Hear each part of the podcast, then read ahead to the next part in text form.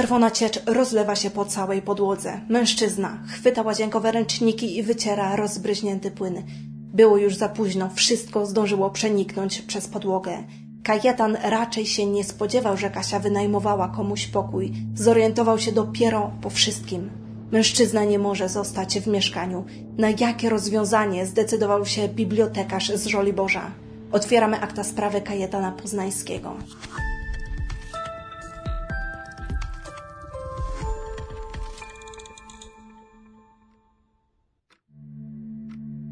Cichy bibliotekarz z nosem w książkach, pasjonat języków obcych, literatury i filozofii, ponadprzeciętnie inteligentny. Czasami poruszał dziwne tematy, ale nie można być przecież idealnym we wszystkim. Pisał teksty o kanibalizmie, ale tego, że nie skończy się tylko na samych tekstach, nie spodziewał się nikt. Dzisiaj przenosimy się na Żoliborz do Warszawy. Lokum wynajmowane przez Kajetana widoczne jest z okien szkoły pożarniczej. To zaledwie chwila od metra Marymont, którym mężczyzna poruszał się każdego dnia. Współtowarzysze podróży piszą: Kojarzę typa, parę razy jechałam z nim autobusem. Jest przerażający i już wtedy nie wiedzieć, czemu jego postać wywoływała u mnie obrzydzenie i negatywne emocje. W tym wszystkim przeraża mnie to, że K1 pracował w okolicach mojego osiedla, także siostra mojej koleżanki była z nim na tym samym kierunku i K1 nieraz proponował jej wyjście do kina czy pomoc w nauce, a także opowiadał, że jest ogromnym fanem Hannibala Lectera i że był niejednokrotnie świadkiem zabójstw. Kanał możesz zasubskrybować klikając na przykład w dolny prawy róg tego filmu. Tym samym posłuchasz o najgłośniejszych sprawach z każdej warszawskiej dzielnicy i wesprzesz rozwój tego kanału. Po prostu samo dobro. Zabrzmiało to jak z reklamy jakiegoś jogurtu czy coś. No dobra czego dopuścił się Kajetan Poznański. Kajetan urodził się 6 października 1989 roku w Poznaniu. Pochodzi z dobrze sytuowanej rodziny. Jego mama była prokuratorem, ojciec był z wykształcenia architektem i posiadał bardzo dobrze prosperującą firmę zajmującą się tworzeniem strategii wizerunkowych. Jego dziadek był wieloletnim dziennikarzem warszawskiego oddziału telewizyjnego. Siostra, tak jak ojciec, wybrała karierę architektoniczną. Rodzina z pewnością stawiała na wykształcenie i dlatego też Kajetan chodził do dobrych szkół. Poznańscy, ponieważ tak się nazywali, mieszkali w Poznaniu, na willowym osiedlu. Sąsiedzi zgodnie twierdzą, że była to spokojna, normalna rodzina. Kajetan ukończył szkołę publiczną, gdzie nauczyciele uważali go za ponadprzeciętnego ucznia. Interesował się językami obcymi. W liceum chodził do elitarnej klasy, gdzie część zajęć prowadzonych było w języku angielskim. Tuż po maturze wyjechał do Warszawy i tam studiował dziennikarstwo. Wykładowcy, którzy mieli styczność z Kajetanem, uważają, że w mężczyźnie był ogromny potencjał. Jego talent w połączeniu z ciężką pracą dawały rewelacyjne rezultaty w sferze edukacyjnej. Bez wątpienia przewyższał on ilorazem inteligencji przeciętnego człowieka. Osoby, które znały go od dzieciństwa, potwierdziły, że K1 zawsze angażował swojego rozmówcę w ambitną rozmowę. Chociaż z drugiej strony pojawiały się osoby, które uważały go za wyjątkowego dziwaka. Ciekawą cechą charakterystyczną większości ludzi inteligentnych są niskie umiejętności społeczne. Takie osoby na przykład odpowiadają w sposób niepasujący do rozmowy i tak też było w przypadku Poznańskiego. Niektórzy mówili, jak już się odezwał, to jego myśli były dość dziwne. Słowa takie niepasujące do kontekstu rozmowy, jednak w kwestiach naukowych miał bardzo elastyczny umysł i jako erudyta potrafił obszernie wypowiedzieć się w wielu tematach. Ostatecznie w Warszawie K1 ukończył dwa kierunki studiów filologię klasyczną i dziennikarstwo. Jego znajomi z tego okresu nie uważali go za zbytnio odstającego od innych rówieśników. Szczególnie na początku imprezował z innymi, tylko że po ukończeniu licencjatu diametralnie się zmienił. Co dokładnie mieli na myśli jego znajomi? Niedługo przed ukończeniem studiów Kajetan rozpoczął swoją karierę zawodową i bardzo spoważniał. Teraz coraz częściej spędzał czas z nosem w książkach i nie chciał tracić chwili dłużej na imprezy. Kajetan rzeczywiście dużo się uczył i brzmi to dobrze w kontekście pracy nad sobą i inwestycją w przyszłość, tylko że Kajetan traktował swój rozwój bardzo, bardzo poważnie nakładał na siebie rygorystyczne zasady, które znajdowały odzwierciedlenie przykład w tym, jak ascetyczny tryb życia prowadził jak oszczędzał pieniądze, czy jak dbał o swoją tężyznę fizyczną. Wtedy podobno schudł 15 kilo. Po studiach Kajetan pracował jako stażysta w tygodniku Polityka. Miał nadzieję, że uda mu się tam zdobyć stałą pracę. Pisał teksty, które związane były z kanibalizmem. To nie dziwiło współpracowników. Większość osób myślała, że jest on po prostu zainteresowany perspektywą psychologiczną i filozoficzną. Wszyscy byli przekonani, że poglądy miały po prostu charakter czysto naukowy. Ku niezadowoleniu Poznańskiego jego teksty nigdy nie zostały opublikowane, chociaż pod względem stylistycznym były świetnie skonstruowane.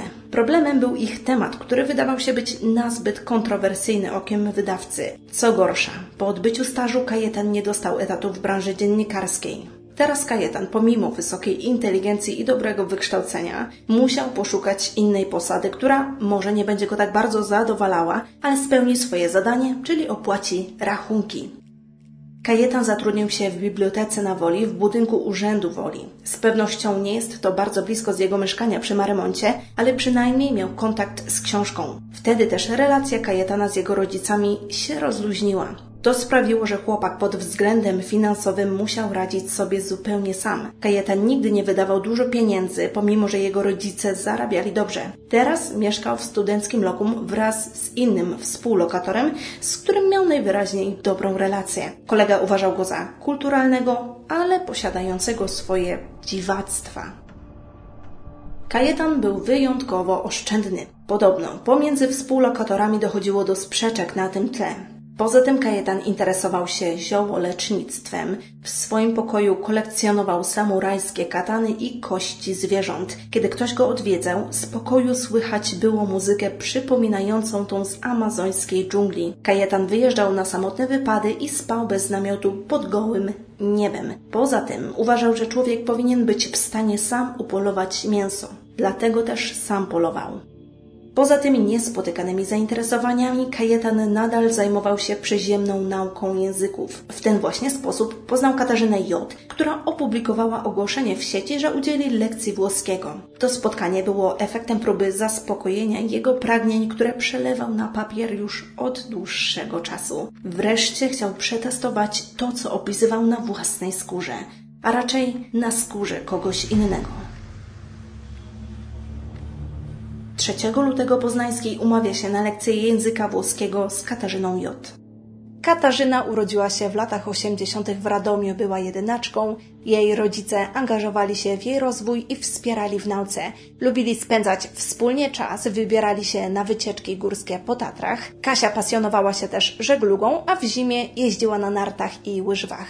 Była ambitną osobą z wieloma zainteresowaniami, dlatego też w liceum zaczęła uczyć się włoskiego, początkowo na własną rękę. Po studiach pracowała w Urzędzie Miejskim w Zespole do Badań Dziejów Radomia. Pisała tam specjalistyczne artykuły. Była też sekretarzem redakcji w czasopiśmie Radomskie Studia Humanistyczne. Praca przynosiła jej satysfakcję, ale chciała nadal uczyć się języka włoskiego, dlatego rozpoczęła studia w tym kierunku na Uniwersytecie Warszawskim. Jej rodzice zdecydowali się kupić jej mieszkanie na warszawskiej Woli, a dokładnie była to ulica Skierniewicka 15, szóste piętro. Jest to niedaleko metra Rondo Daszyńskiego, chociaż wtedy nie było tam jeszcze M2, dlatego dziewczyna poruszała się najprawdopodobniej więcej tramwajami i autobusami, które znajdowały się na pobliskiej ulicy.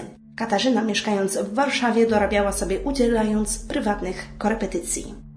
3 lutego Kajetan i Katarzyna umówili się na pierwsze zajęcia w jej domu. Kajetan nie wie, jak wygląda Kasia, ponieważ w ogłoszeniu nie dodała zdjęcia. Tego dnia rano mężczyzna jedzie z Żoli Boża na wolę do pracy, ale zwalnia się wcześniej. Idzie na zajęcia do Katarzyny, która mieszka niedaleko jego miejsca pracy. Kajetan pracował w budynku Urzędu Warszawa Wola. Po wejściu do mieszkania Kasia zaoferowała herbatę chłopakowi. Kajetan mówi, że chętnie się napije i wtedy dziewczyna się odwraca, a Kajetan atakuje ją z za pleców zadaje kilkadziesiąt ciosów nożem. To działanie było zaplanowane. Skąd to wiemy? Kajetan miał piłę, nóż, plecak i torby. Do tego działania przygotowywał się od około miesiąca i jego celem nie był sam fakt odebrania życia. Kajetan zamierzał skonsumować ciało korepetytorki. Kajetan odciął głowę i schował ją do plecaka, a korpus rozpakował i zapakował do toreb. Kiedy bibliotekarz wybierał Kasię, później spacerował już w jej stronę do mieszkania, najprawdopodobniej nie wiedział, że mieszka ona ze współlokatorem. Kiedy już doszło do całego zajścia, musiał się zorientować, że w lokum jest dodatkowy pokój, dlatego desperacko starał się zatrzeć swoje ślady. Starł ręcznikami, które wrzucił do pralki i zaczął prać. Zaraz potem zamówił taksówkę na swoje nazwisko. Ze sobą zabrał torby, plecak i opuścił mieszkanie. Zjechał windą w dół. Nie jechał sam, ponieważ w środku spotkał się z sąsiadką, która zauważyła torby, ale zdecydowała się nie zagadywać młodego mężczyzny. W akompaniamencie wypełnionych toreb zjeżdżają wspólnie. Na dole czekał już na niego kierowca. Kajetan zapakował swoje torby i usiadł na tylnym siedzeniu. Kierowca spostrzegł krew na jego plecaku, ale chłopak od razu powiedział, że właśnie upolował dzika, co podobno uspokoiło kierowcę. Chłopak jednak decyduje się zakończyć kurs wcześniej. Być może wydaje mu się, że to pomoże zatrzeć ślady. Musi już wiedzieć, że jego plan nie był zbyt dobrze przemyślany. Zabiera wszystkie bagaże i przesiada się do innej taksówki. Teraz dojeżdża do mieszkania, które o tej porze nadal jest puste. Kajetan wysiada i wypakowuje torby, z których zaczyna cieknąć czerwony płyn. Taksówkarz w pierwszej chwili nie wie co to jest, ale szybko denerwuje się, że chłopak niszczy mu auto. Kajetan dlatego tłumaczy, że był na polowaniu że jest to dziczyzna. Taksówkarz nie sprawdza tego, co znajdowało się w środku i pozwala wypakować chłopakowi jego własność. Tą sytuację widzi kobieta, która nawet pomyślała, że może pomoże z tym bagażem, jednak ostatecznie również uznała, że zostawi sąsiada w spokoju. Kajetan zaciągnął ciężkie torby do swojego pokoju około godziny 13. W akcie desperacji uznał, że podpalił torby. Wygląda na to, że teraz nie uda mu się skonsumować ani kawałka mięsa. Cała sprawa zaszła za daleko. Spakował parę najważniejszych przedmiotów, podpalił torby na środku swojego pokoju i wychodząc zatrzasnął mieszkanie. Dopiero około godziny 15 sąsiedzi zauważają, że z mieszkania wydobywa się dym. Na miejscu pojawia się straż pożarna, której budynek znajduje się tuż obok mieszkania Kajetana. Strażacy ugasili pożar, który na szczęście nie podpalił całego lokum. Jeden z nich sprawdza, co znajduje się w tej torbie i odkrywa, że w środku spakowane są poćwiartowane zwłoki. Początkowo myślano, że do poćwiartowania i zabójstwa doszło w mieszkaniu, jednak szybko zorientowano się, że nie było tam żadnych śladów, które by na to wskazywały. W tym samym czasie do mieszkania Kasi wrócił współlokator. Mężczyzna wiedział, że kobieta tego dnia miała lecieć do Włoch do swojego narzeczonego, ale początkowo myślał, że dziewczyna po prostu wyszła z mieszkania na chwilę, ponieważ laptop nawet nie był jeszcze zamknięty, ale za moment spostrzegł plamy na podłodze, które były na tyle alarmujące, że zadzwonił na policję. Kiedy funkcjonariusze dotarli na miejsce, odnaleziono od razu ślady w pralce. Szybko udało się połączyć zaginięcie Kasi ze znalezionymi zwłokami na Żoliborzu. Współlokator Kajetana i sąsiedzi zostali już przesłuchani, a sprawa zdążyła trafić do mediów. Miała ona ogromne reperkusje nie tylko dlatego, że działa się w Warszawie, ale była ona wyjątkowo szokująca. Jest to zastanawiające, że skoro chłopak wychowywał się otoczony historiami związanymi ze światem przestępczym, ponieważ jego mama była prokuratorem, to jednak niezbyt dokładnie przemyślał swój plan. Kajetan po ucieczce z mieszkania wypłacił 15 tysięcy złotych. Chciał więcej, jednak bank nie realizował wyższych opłat. Potem pojechał na dworzec centralny, gdzie kupił pociąg do Poznania i skierował się do galerii City Center, w której kupił oliwkową damską kurtkę. Najprawdopodobniej zdecydował się na tą, ponieważ był to pierwszy model, który znajdował się przy wejściu do sklepu. Za mężczyzną został wystawiony list kończy, nota Interpolu i już wtedy uznany został za najbardziej niebezpiecznego przestępcę. Kiedy płacił za kurtkę, przy kasie został zapamiętany przez sprzedawczynię przede wszystkim dlatego, że wykłócał się z nią o grosz. Mężczyzna kupił też okulary z białymi oprawkami, czerwony t-shirt, kiełbasę, bułki, nutellę oraz bilet na pociąg.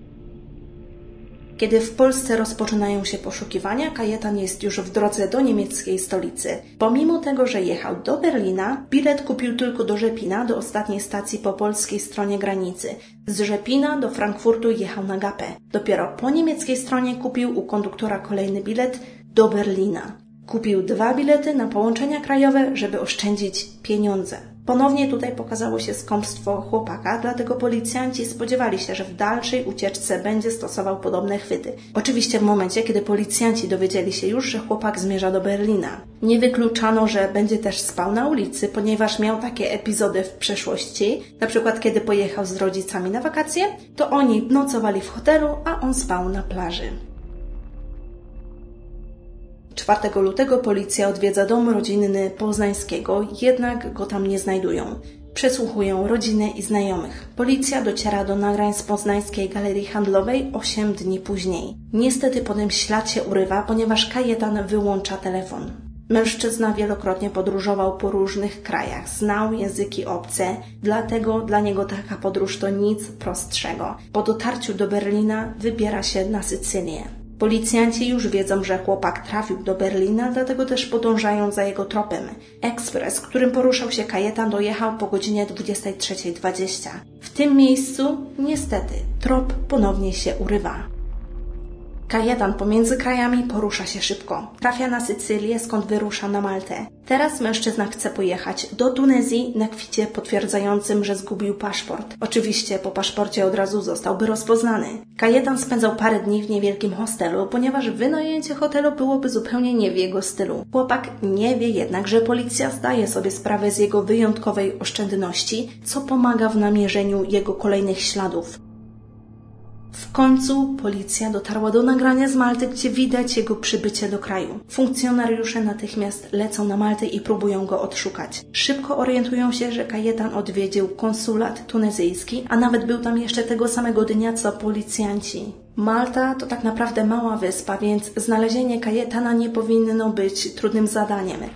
Dlatego udało się go odnaleźć znacznie szybciej, niż wydawać się to mogło bibliotekarzowi. Początkowo został zatrzymany przez policję z Malty, która współpracowała z polską policją i godzinę po zatrzymaniu informacja o tym wyciekła do mediów. Telewizje informacyjne przerwały program, żeby przez kilka godzin nadać wydanie specjalne.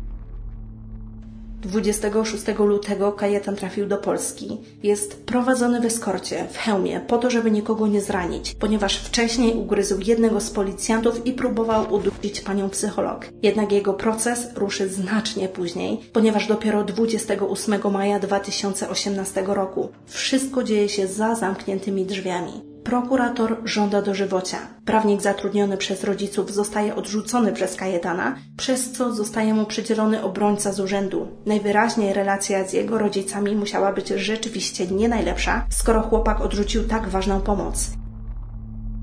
Zanim zapadł wyrok, doszło do obserwacji psychiatrycznej, która wskazywała przeczące sobie opinie. Jeden zespół wykazał, że mężczyzna w trakcie popełnienia zbrodni był niepoczytalny, drugi zaś, że miał zniesioną poczytalność. To zupełnie nie ułatwiało sprawy. Dlatego dopiero 26 stycznia 2021 roku w budynku sądu przy ulicy Kocjana w końcu ogłoszony został wyrok w sprawie odebrania życia Katarzynie. Kajetan został skazany na karę dożywotniego pozbawienia wolności i swoją karę odbywa w systemie terapeutycznym, co oznacza, że został odesłany do więzienia, w którym znajduje się oddział psychiatryczny. Poza tym został zobowiązany do wypłaty 150 tysięcy złotych odszkodowania rodzicom Kasi rodzina Poznańskiego nie chce rozmawiać z dziennikarzami, co jest, wydaje mi się, dość naturalną rzeczą. Ciekawą kwestią, o której jeszcze nie wspomniałam w tej sprawie, jest to, że początkowo pojawiła się teza, że Kajetan i Katarzyna spotkali się więcej niż tylko raz. Tak stwierdził Przemysław Nowak z prokuratury okręgowej w Warszawie. Ponadto dla zainteresowanych Jasnowic z Czuchowa twierdził, że Kajetan podkochiwał się w kobiecie i nie był w stanie zaakceptować tego, że kocha innego mężczyznę. Jednak ostatecznie, tak jak powiedziałam na początku, uznano, że do spotkania tych dwojga doszło tylko raz. Dziękuję za wysłuchanie tej historii. Jeżeli macie pomysł na kolejny odcinek z serii warszawskich historii kryminalnych, to podzielcie się nim w komentarzu. A jeżeli nadal się słyszymy, to nie zapomnij napisać kryminalne o tam na dole. Do zobaczenia w następnym odcinku. Ciao. Beijos.